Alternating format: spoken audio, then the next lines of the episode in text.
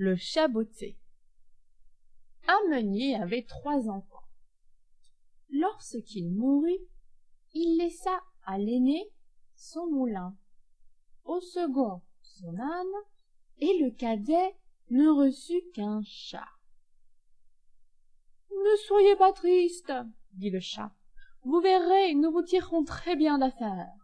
Donnez-moi des bottes et laissez-moi partir il s'en alla en emportant un sac et un peu de scie. Un lapin se fit prendre au piège.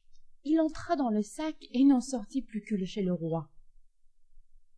Voilà sire dit le chat. Un lapin que vous envoie avec ses respects le marquis de carabas mon maître. Le roi fut très content. Un peu plus tard le chat botté captura deux perdrix qu'il offrit au roi. Un jour le chat apprit que le roi et sa fille devaient longer une rivière au cours d'une promenade. Écoutez-moi dit-il à son maître jetez-vous à l'eau et votre fortune est faite je vous le jure. Je je crois bien répondit le maître que je te mangerai sous peu et puis l'eau est froide et je ne sais même pas nager. C'est tant mieux s'écria l'animal. Allez-y écoutez-moi. Et le maître plongea dans la rivière. Lorsque le roi passa le chat botté se mit à crier mon maître se noie mon maître se noie le marquis de carabas va mourir à l'aide! Le roi donna immédiatement des ordres et ses soldats sauvèrent le faux marquis quel malheur! dit le chat pendant son bain mon maître a été dépouillé de tout ce qu'il avait. Des bandits ont emporté ses habits et ses armes qu'il avait déposés sur la berge le roi lui donna aussitôt de beaux vêtements que le marquis s'empressa d'accepter.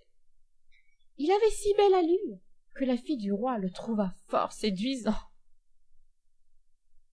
les cadeaux que m'apporte votre chat m'ont enchanté dit le roi. Je suis heureux de vous faire plaisir. Montez dans mon carrosse nous bavarderons en chemin je je vous remercie dit le marquis. Le chat partit en avant et dit au paysan qu'il rencontra si vous ne dites pas que tous vos champs appartiennent au marquis de carabas vous mourrez tous. Les paysans s'empressèrent d'obéir plus loin le chat entra dans le château d'un ogre qui était lui le vrai propriétaire des terres environnantes. L'animal lui parla avec tant d'adresse il sut si bien le flatter que l'ogre accepta de lui montrer quelques-uns de ses tours de magie changez-vous donc en lion? demanda le chat. Et cela fut fait instantanément changez-vous en souris. Et le gros lion devint une petite souris que le chat croqua. À ce moment le roi et sa suite arrivèrent en vue du château. Le chat les attendait vous êtes devant le château du marquis de carabas dit-il au roi qui crut vraiment que le marquis de carabas était l'homme le plus riche de la terre.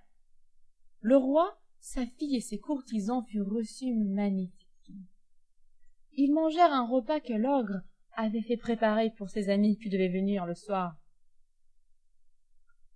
Vous avez dit le roi un serviteur extraordinaire. Votre chat botté est étonnant. Le marquis de carabas était évidemment du même avis.